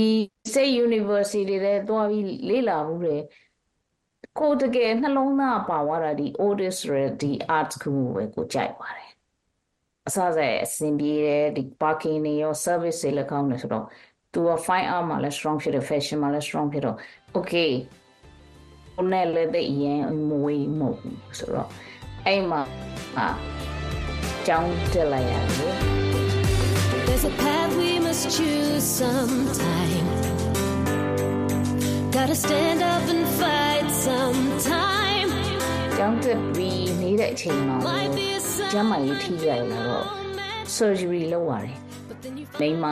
ဒီတအိမ်နဲ့ပတ်သက်ပြီး surgery လုပ်ရတော့ခဏထွက်လိုက်ရတယ်ထွက်လိုက်ပြီးတော့မသေးကြဘူးဒီ import export မပြန်အလုပ်လုပ်လို့လည်းမရဘူးဘလို့မှစိတ်ထဲမှာ မရဘူးကိုယ်စိတ်ထဲမှာတန်တာဒီဒီဒီတပီဘွေးရခြင်းနဲ့ဆက်ပြီးတော့ဒီပညာကိုပြီးဆုံးအောင်သင်ခြင်းနဲ့ဆိုတော့အဲ့မှာပြန်သွားလိုက်ပြီမထူတော့ငါပြန်သွားတော့မယ်ငါနှလုံးသားထဲမှာဘယ်လို့မှမရဘူးဆိုအဲ့ဒါကိုပြန်သွားပြီးတော့ဒီ2011မှာ Bachelor Degree Fine Art ပွဲရတယ်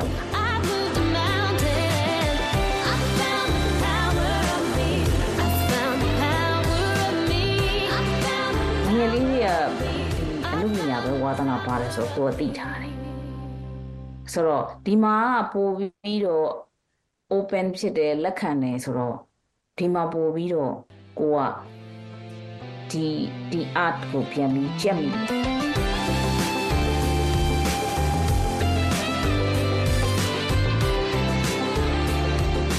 အမအရင်တော့ကဒီက juvenile high school kid တွေကို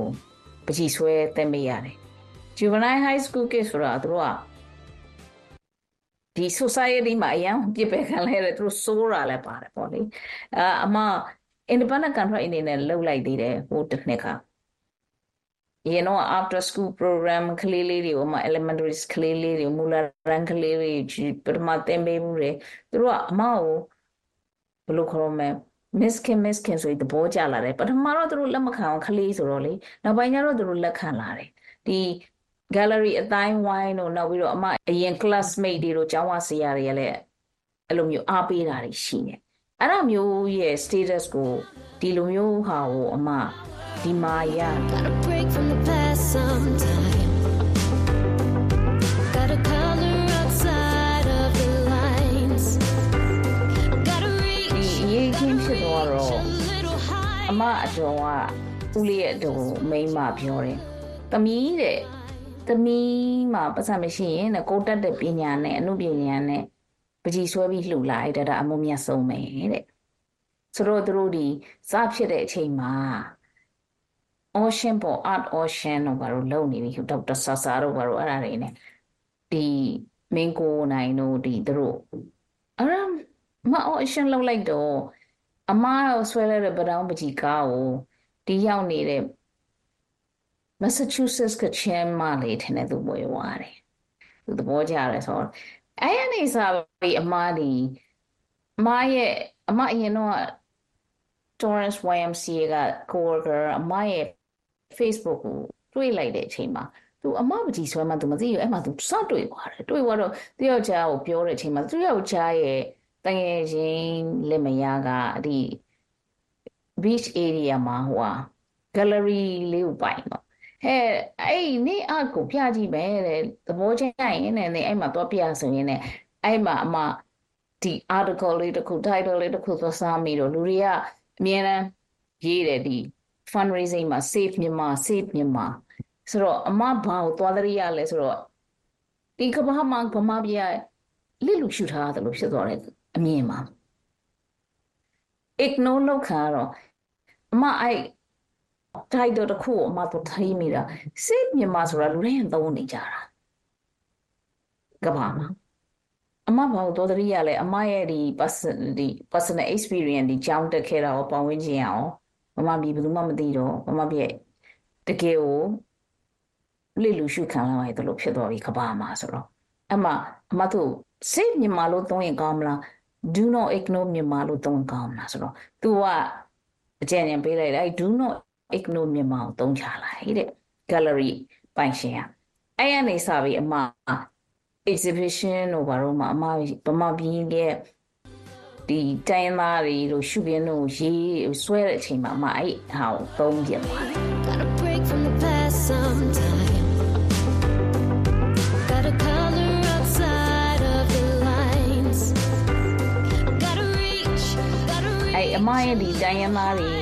Gotta reach, gotta အဲ့အမရဲ့ဒီတိုင်းရင်းသားတွေရဲ့စလိတ်တောက်နေတဲ့ပုံချင်းမကြီးစလိတ်တောက်နေပုံတကွင်းကြီးတွေတို့ဗမာပြည်ရဲ့ရှုခင်းကချင်တို့ချင်းပြည်တို့ရှုခင်းနေအင်းလေးတို့ခြေထောက်တစ်ဖက်တည်းနဲ့လှေလော်တာမတကယ်ချင်း Taiwanese မှာပြောတယ်သူဗမာပြည်မှာပဲတွေ့ဘူးလေသူကဘာပတ်တယ်ပဲနိုင်ငံမှာမတွေ့ဘူးဒီအကိစ္စတွေနဲ့ပတ်သက်တော့ဒီဗမာပြည်ရဲ့ အနှိမ်ခံလာရတာတွေပဲကြည်လိုက်တော့သူတို့ရဲ့ fashion တို့သူတို့ရဲ့ဒီ accessory ပေါ့ဝတ်တာစားတာတွေကတကယ်ဟို exotic ဖြစ်တယ်တကယ်ဟိုကောင်းတယ်ဆိုတော့အမ fashion လည်းကြိုက်တော့အဲ့ရနေစပြီအမသူတို့ရဲ့ဒီအဝတ်အစားတွေငကွင်းတွေအဲ့လိုမျိုးသူဝတ်သားတဲ့ဒီဟာတွေကိုအမကြိုက်ပြီးတော့အဲ့အရာတွေပကြီးဆွဲပြစ်သွားပြီးတော့အဲ့ title အမသုံးပြသွားတယ် do not ignore မြန်မာဆို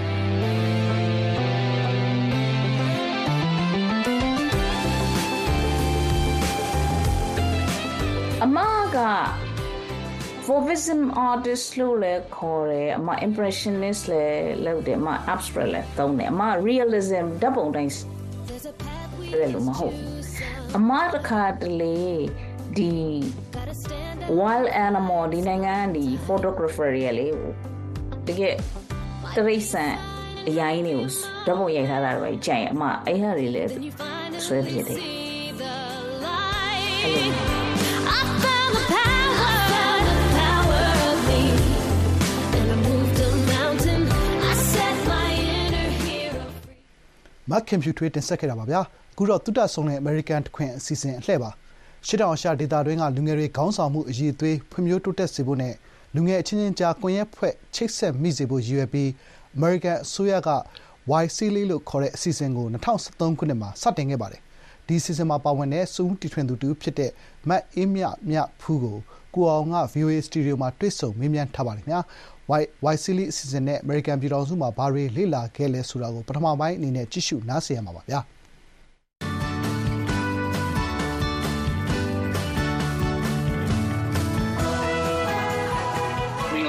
ရဘူးအခုလို VOA ကိုလာပြီးတော့တွေ့ဆုံမေးမြန်းခွင့်ပေးတဲ့အတွက်ကျေးဇူးတင်ပါတယ်ဆိုတော့ဒီ America ကိုအခုဒါဟို American အစိုးရရဲ့ YCL ဆိုတဲ့ program နဲ့ရောက်လာတာပေါ့လေဆိုတော့ဒီ YCL program အကြောင်းနဲ့ပတ်သက်ပြီးတော့အရင်ရှင်းပြပေးပါဦးဟုတ်ကဲ့အော် YCL program ကတော့ဒီ youth လူငယ်တွေပေါ့နော်ဒီ Southeast Asia မှာရှိတဲ့လူငယ်တွေအတွက်ကိုဟိုဒီလုပ်ပေးထားတဲ့ pro- Amer- American Embassy ကနေလုပ်ပေးထားတဲ့ program ပေါ့သူကကြတော့ဘယ်လိုမျိုးတွေပါလဲဆိုလို့ရှိရင် team ၃ခုပါတယ်ပေါ့နော် team ၃ခုမှာဆိုလို့ရှိရင်ဒီအာ environmental နဲ့ပတ်သက်ပြီးတော့လုပ်နေတဲ့လူငယ်တွေနောက်က civic engagement နဲ့ပတ်သက်ပြီးလုပ်နေတဲ့လူငယ်တွေနဲ့နောက်ကညီမတို့လိုဒီ social entrepreneurship နဲ့ economic development အတွက်ကိုလုပ်နေတဲ့ဒီအသက်18ကနေပြီးတော့25ကြားကိုရှိတဲ့လူငယ်တွေအတွက်ကိုအာအဲ့အဲ့ဒီလုပ်ပေးထားတဲ့ exchange program ပေါ့နော်အဲ့လိုပုံစံမျိုးလေးဆိုတော့ညီမတို့ကနေပြီးတော့အကယ်လို့အရွေးခံရပြီဆိုလို့ရှိရင်ဒီ US မှာငါးဘက်တာပေါ့နော် exchange student အနေနဲ့အာစတင်ခွင့်ရရဲပြီးတော့ကိုယ့်ရဲ့ဒီ career ပြီးတော့ကိုယ့်ရဲ့ဒီအာဒီလုပ်နေတဲ့ project တွေအတွက် development အတွက်ကိုပေါ့နော် academic နဲ့ပတ်သက်ပြီးတော့သူတို့ကနေပြီးတော့ supporting ပေးရပေါ့နော်အဲ့လိုပုံစံမျိုးလေးဒီမှာ exchange program က9ဘက်ဆိုတော့9ဘက်ဆိုတော့ဒီအမေရိကကိုခေါ်လာပြီးတဲ့အခါကျတော့သူတို့ကဟိုဘယ်အကြောင်းတွေမှာလိုက်ပြီးတော့ပြလဲနောက်အဓိကဒီအမေရိကနဲ့ပတ်သက်တဲ့ဘလို့အကြောင်းအရာမျိုးသူတို့ကမိတ်ဆက်ပေးလဲဟုတ်ဟုတ်ကဲ့သူတို့ရဲ့ဒီ program ရဲ့ purpose ကကြအဓိက exchange ဆိုတဲ့အတွက်ကြောင့်မလို့ဒီဒီ Southeast Asia မှာရှိတဲ့လူငယ်တွေရဲ့ဒီအာ culture တွေကိုရောဒီ America culture တွေကိုရော exchange လုပ်စေခြင်းတဲ့ပုံစံမျိုးအနေနဲ့သူတို့ကအာလုပ်ထားတဲ့ program ပေါ့နော်ဆိုတော့အာဘယ်လိုပုံစံမျိုးရှိလဲဆိုရှင်ဒီသူတို့က team ပေါ်မူတည်ပြီးတော့ university ရကွဲသွားတယ်ပေါ့နော်အာထားပါတော့ဒီ environmental တို့ ဘာလို့ဆိုလို့ရှိရင် environment environmental နဲ့ civic တို့ဆိုလို့ရှိရင် University of Nebraska တို့နောက်ပြီးရင် Hawaii မှာတော့သင်ရတာမျိုးရှိတယ်ညီမတို့အာညီမတို့ဒီ social entrepreneurship နဲ့ economic development team ကကြတော့အကြောင်းနှစ်ကြောင်းပေါ့နော် University of Connecticut နဲ့ University of အာအာ Texas ပေါ့နော်အဲ Texas at Austin မှာညီမညီမဆိုလို့ရှိရင် Texas Austin မှာညီမတို့ဒီ UT မှာအာသင်ခဲ့ရတယ်ပေါ့ဆိုတော့အဓိကကတော့ဒီအာသူတို့ဒီမှာဆိုလို့ရှိရင် အဲ university ရဲ့အကြောင်းသားလိုမျိုးကိုစာတင်လို့ရတဲ့အပြင်ဟိုမှာကိုလုပ်နေတဲ့ project တွေအတွက်ကိုလည်းအာဘာလို့လဲ academic academic perspective ကနေပြီးတော့အကုန်လုံးကိုအဲ့လိုမျိုးသင်ပေးရမျိုးပေါ့နော်သုံးဘက်ကိုစာတင်ရရဲပြီးသွားပြီဆိုလို့ရှိရင်နောက်ဆုံးနှစ်ပတ်မှာဆိုလို့ရှိရင်အဲ့လိုမျိုးဒီတခြား university တွေနဲ့အာဒီဒီ unit ထားပါတော့ညီမတို့ဒီ social entrepreneurship team မှာဆိုလို့ရှိရင် university ကနှစ်ခုကိုဆိုတော့အဲ့နှစ်ခုကိုပြန်ပြီးတော့တွေ့ပြီးတော့ Washington DC မှာပြန်တွေ့ပြီးတော့ activities တွေနောက်ကဒီ tour တွေအဲ့လိုမျိုးတွေသွားအောင်မျိုးရှိပါတယ် ဆိုတော့အဲ့မှာအဓိကသူတို့တွေကဘာတွေသင်ပေးလဲဟုတ်ဆိုတော့အဲဒါကတော့စောစောပြောလို့တင်းပေါ်မှာမူတည်သွားတယ်ပေါ့နော်ဆိုတော့ civic ဆိုလို့ရှိရင် civic နဲ့ပတ်သက်တဲ့ဟာမျိုးသင်ရတယ်လို့မျိုးညီမတို့ဆိုလို့ရှိရင်ဒီ social entrepreneur ဖြစ်တဲ့အတွက်ကြောင့်မလို့ဒီ business နဲ့ပတ်သက်တဲ့ဟာမျိုးတွေသူညီမတို့ဆိုလို့ရှိရင်အာဘယ်လိုမျိုးသွားရလဲဆိုရှင်ဒီ Austin မှာရှိတဲ့ဒီ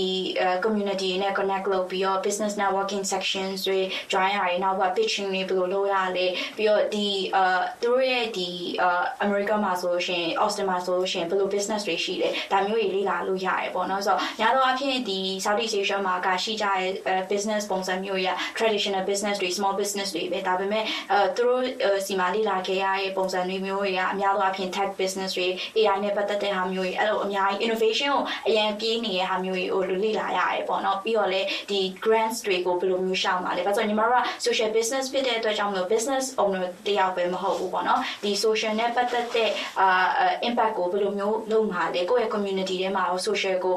ဘယ်လောက်ဒီအကျိုးပြုမှာလဲဆိုတဲ့ဟာမျိုးတွေပါ impact တွေပါညီမတို့ကကြည့်ရပြီးတော့မှ innovation နောက်ကလိုက်တယ်အဲ့လိုပုံစံမျိုးတွေကိုပါလေ့လာပြီးတော့တကယ်လည်း implement လုပ်ခဲ့ရတယ်ပေါ့နော်အာဒီနေရာမှာတစ်ခုဖြတ်ပြီးတော့မေးချင်တာကအခုဒီ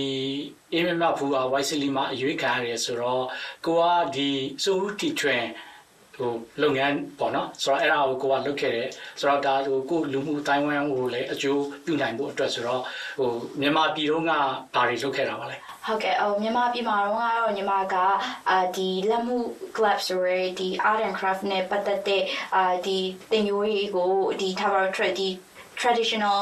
ဒီပညာတွေကိုညီမကနေပြီးတော့လက်မှုပညာကြီးဖြစ်တဲ့ဒီရွှေကြီးထိုးပန်းဆယ်မျိုးဒါမျိုးတွေကိုတက်နိုင်သလားဟိုလွတ်လပ်ကူကူတင်လို့ရအောင်ပေါ့နော်။ဘာလို့ဆိုပုံမှန်အဖြစ်အကြတော့ဒီလက်မှုပညာရွှေကြီးထိုးတွေပါဆိုလို့ဆိုရှင်တင်ရတာကအချိန်တစ်ခုပေးရတယ်။ပြီးတော့ဒါကိုထိန်းသိမ်းဆောက်ရှောက်ဖို့ဆိုလို့ဆိုရှင်လည်းအကုန်လုံးက business engineering ဒါတွေကိုသွားနေကြတဲ့ဖြာမှာဒီဟာကိုတင်ဖို့အတွက်ကိုရောထိန်းသိမ်းဖို့အတွက်ရောအာဟိုဟို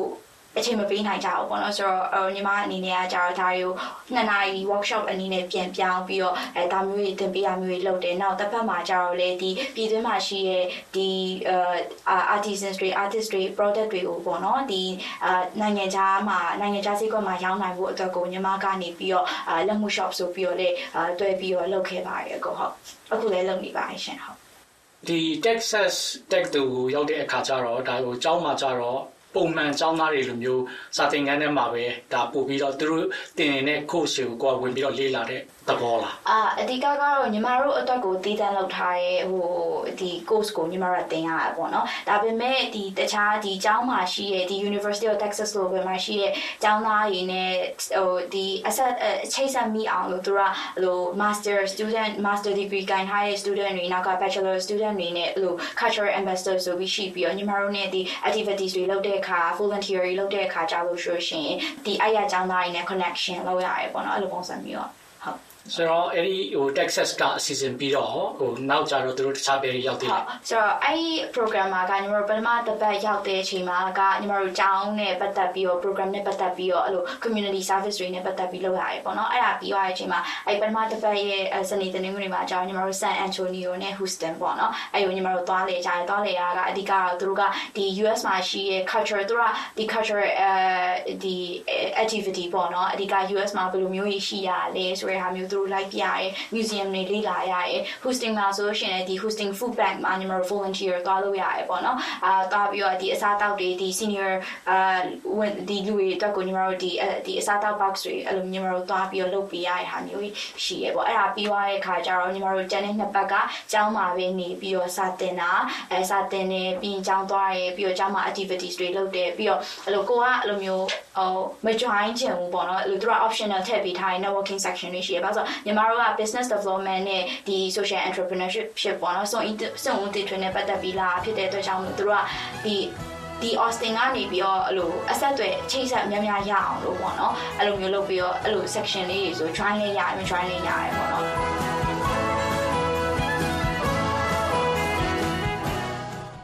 ကိုအောင်တင်ဆက်ခဲ့တာပါဗျာအခုတော့သိပ္ပံနဲ့ဤပညာကဏ္ဍအလှည့်ကျပါပြီ မြမရေနံနဲ့တဘာဝဓာတ်ငွေတိုက်များအကြောင်းအရင်တစ်ပတ်ကတင်ဆက်ခဲ့တာရဲ့အဆက်ဒုတိယပိုင်းကိုနားဆင်ရမှာပါမြန်မာနိုင်ငံမှာရေနံနဲ့တဘာဝဓာတ်ငွေခိုအောင်မှုအတွက်အရေးပါတဲ့အနေကျခြိုင်ဝမ်18ခုရှိပြီးတော့အများအပြားတူးဖော်ထုတ်လုပ်မှုတွေရှိသလိုအလားလာရှိပြီးစူးစမ်းရှာဖွေမှုအပြည့်အဝမလုပ်နိုင်သေးတာတွေလည်းရှိနေတယ်လို့ရေနံဘူမိပညာရှင်ဦးလှမိုင်းပြေကပြောပါတယ်အလဲပိုင်းမြေပြန့်ဒေသမှာလို့ရှမ်းချင်းကချင်ကုန်းမြင့်ဒေသတွေမှာရောရေနံထုတ်နှုတ်နိုင်ပါသလား ဒေါက်ခင်မျိုးသက်က ဆက်သွယ်မေးမြန်းတင်ပြထားပါတယ်များ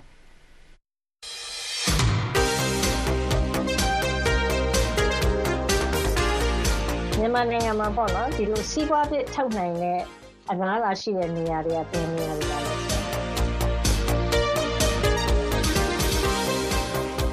ကပြည်မှာ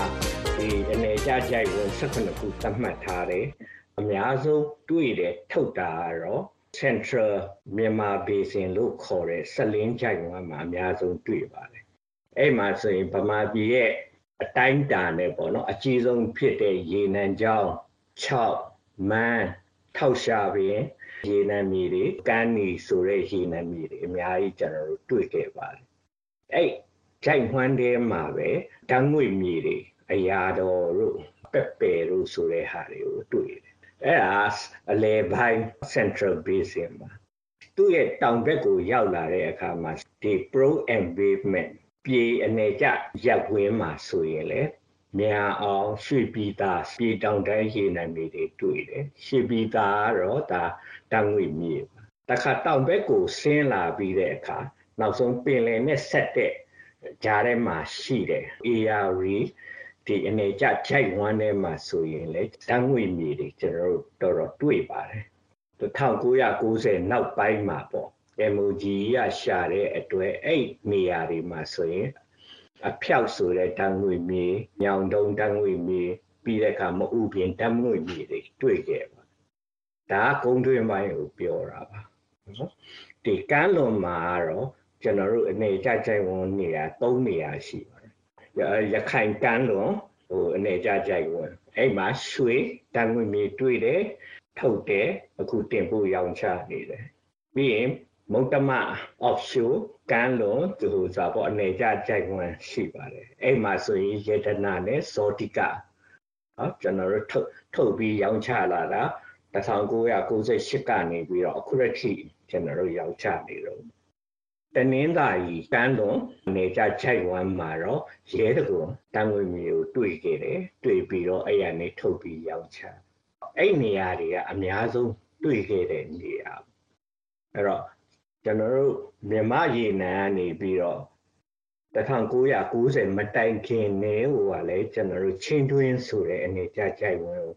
တက်ပြီးရှာကြပါတယ်တူးထုတ်ဖို့လုပ်တယ် ရနန်းတို့အင်းတော်တို့မှာတွေ့ခဲ့တယ်ဒါပေမဲ့ထုတ်လုပ်နိုင်တဲ့အဆင့်ဖြီတော့မရောက်ခဲ့သေးပါဘူးအဲစီးပွားဖြစ်အလားလာရှိတဲ့နေရာတွေလည်းအများကြီးပေါ့နော်ဟုတ်ကဲ့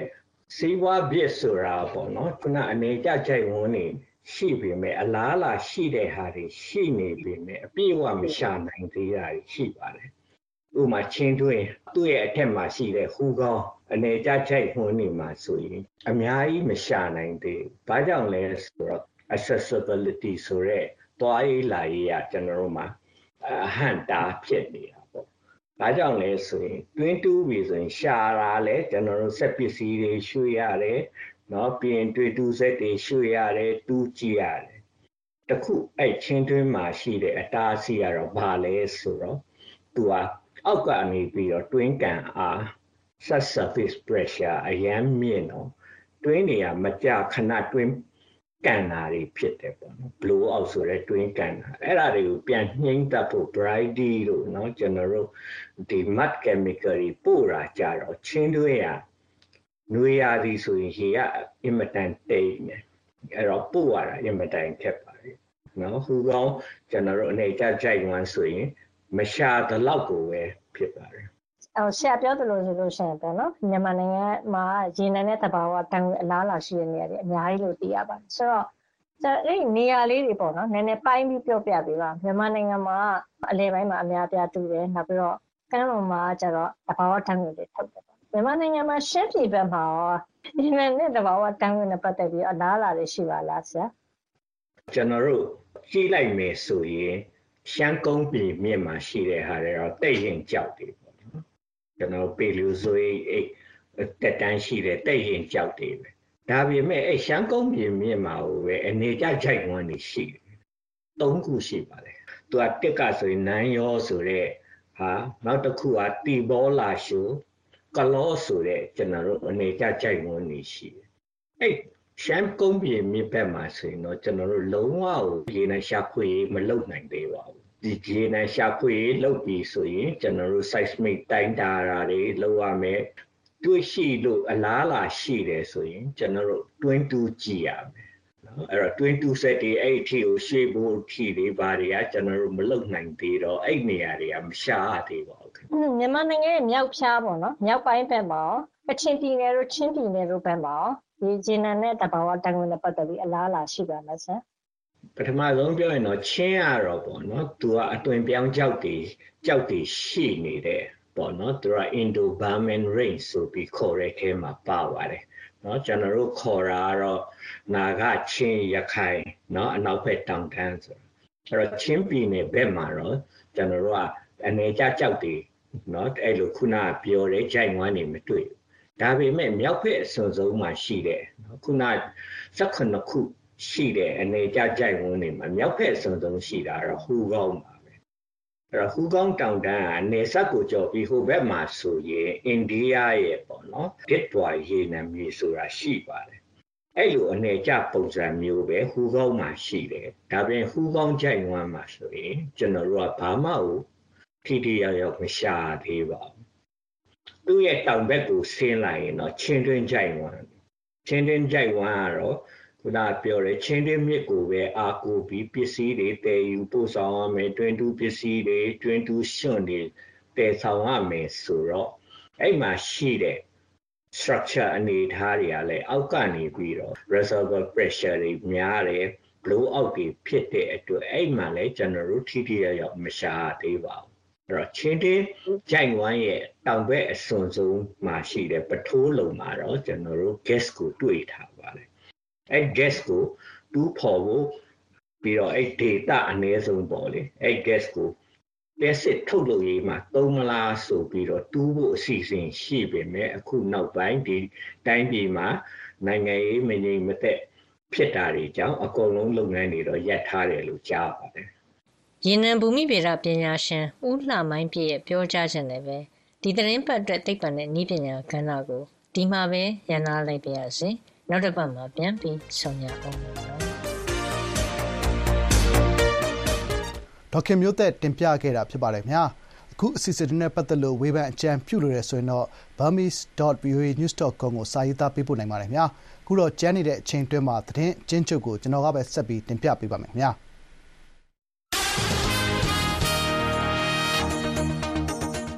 2024ခုနှစ်မြူနစ်လုံခြုံရေးညီလာခံကိုဂျာမနီနိုင်ငံမြူနစ်မြို့မှာ ဖေဖော်ဝါရီ16ရက်နေ့ကနေ18ရက်နေ့အထိ ကျင်းပတဲ့အခါမှာ မြန်မာနိုင်ငံရဲ့ လက်ရှိ အခြေအနေတွေကို ထည့်သွင်း ဆွေးနွေးသွားဖို့ ရှိတယ်လို့ ရန်ကုန် ဂျာမနီသံရုံးရဲ့ Facebook စာမျက်နှာမှာ သတင်းထုတ်ပြန်ထားပါတယ်။ကမ္ဘာတလွှားက လုံခြုံရေးနဲ့ ပတ်သက်တဲ့ အရေးအကြီးဆုံး စိန်ခေါ်မှုတွေနဲ့ ပတ်သက်ပြီး အဆင့်မြင့် အရာရှိတွေအဆင့် ဆွေးနွေးပွဲမှာ ကမ္ဘာ့နိုင်ငံတွေက နိုင်ငံရေး စီးပွားရေးဆိုင်ရာ အဆင့်မြင့် မူဝါဒ ချမှတ်သူတွေ ပညာရှင်တွေနဲ့ အရပ်ဖက် လူ့အဖွဲ့အစည်းတွေ ဒီညီလာခံမှာ ပါဝင် ဆွေးနွေးကြမှာ ဖြစ်ပါတယ်။ သုံးရက်ကြာကျင်းပမယ့် ဒီညီလာခံရဲ့ ဖွင့်ပွဲ သောကြာနေ့မှာတော့ လက်ရှိ ကမ္ဘာ့အနေအထားဟာ အလုပ်မဖြစ်ဘဲ သန်းနဲ့ချီတဲ့ သာမန်လူတန်းစားတွေက ဆိုးဆိုးဝါးဝါးပေးဆပ်နေရတယ်လို့ ကုလသမဂ္ဂ အတွင်းရေးမှူးချုပ် အန်တိုနီယို ဂူတာရက်စ် က ပြောပါတယ်။အခုချိန်မှာ ကမ္ဘာ့နိုင်ငံတွေဟာ တာဝန်ယူမှု တာဝန်ခံမှုမရှိဘဲ ကိုယ်ကြိုက်ရာ ကိုယ်လုပ်တာ တွေ့နေရကြောင်းနဲ့ တကယ်လို့ ကုလသမဂ္ဂ ပဋိညာဉ်စာတမ်းပါ အချက်တွေအတိုင်း လိုက်နာကြမယ်ဆိုရင်တော့ ကမ္ဘာ့လူသားတိုင်း ငြိမ်းချမ်းပြီး ဂုဏ်သိက္ခာရှိရှိ နေနိုင်မှာဖြစ်ကြောင်း အတွင်းရေးမှူးချုပ်က ကမ္ဘာတလွှား လုံခြုံရေးဆိုင်ရာ စိန်ခေါ်မှုတွေကို ဆွေးနွေးမယ့် နှစ်ပတ်လည် ညီလာခံကို ပန်ကြားလိုက်တာ ဖြစ်ပါတယ်။တခါ ဂါဇာအရေး သတင်းတပုတ်မှာတော့ အမေရိကန်သမ္မတ ဂျိုးဘိုင်ဒန်က သူဟာ အစ္စရေးဝန်ကြီးချုပ်ဘန်ဂျမန်နေတန်ယာဟုနဲ့ ခုရက်ပိုင်းတွေအတွင်း မကြာခဏ တယ်လီဖုန်းဆက်ပြီး အချိန်အတော်ကြာကြာ ဆွေးနွေးခဲ့သလို ဓားစာခံတွေကို ကယ်ထုတ်နိုင်ဖို့ ဂါဇာမှာ ယာယီအပြစ်ရပ်ဖို့ ပန်ကြားခဲ့တယ်လို့တောက်ကြနေ့မှာ ပြောလိုက်ပါတယ်ခင်ဗျာ။သတင်းအချင်းချုပ်ကတော့ ဒီလောက်ပါပဲခင်ဗျာ။ အခုမနေ့ခင်းအစီအစဉ်ကိုတာဝန်ယူထုတ်လုပ်ရေးမှုကတော့ကိုရဲမွန်ဖြစ်ပြီးတော့ရုပ်သံဒရိုက်တာကတော့ James Smith ဖြစ်ပါတယ်ဗျာ။ VOA အမေရိကန်တန်ကထုတ်လွှင့်ပေးနေတဲ့အစီအစဉ်တွေနဲ့ပတ်သက်လို့ဝေဖန်အကြံပြုခြင်းနဲ့ဒါမှမဟုတ်ကိုယ့်ဒေတာတွေကသတင်းထူးတွေကိုပေးပို့လိုတယ်ဆိုရင်တော့ burmese@voanews.com ကိုစာရေးသားပေးပို့နိုင်ပါတယ်ခင်ဗျာ။ဒီကနေ့မနေ့အစီအစဉ်တွေကိုအွန်လိုင်းစာမျက်နှာတွေရေဒီယိုတွေနဲ့ Facebook YouTube ကနေနားဆင်ကြည့်ရှုကြတဲ့ပရိသတ်တွေအားလုံး ကျေးဇူးတင်ပါတယ်ခင်ဗျာ။ VOA အမေရိကန်အတန်ရဲ့မနက်ပိုင်းအစီအစဉ်ကိုဒီမှာပဲအဆုံးသတ်ပါစီခင်ဗျာ။သောတာရှင်တွေတကွဘေးရန်ရဲ့ကင်းကြမှာရှင်လင်းကြပါစေ။ကျွန်တော်ငင်းငယ်ပါခင်ဗျာ။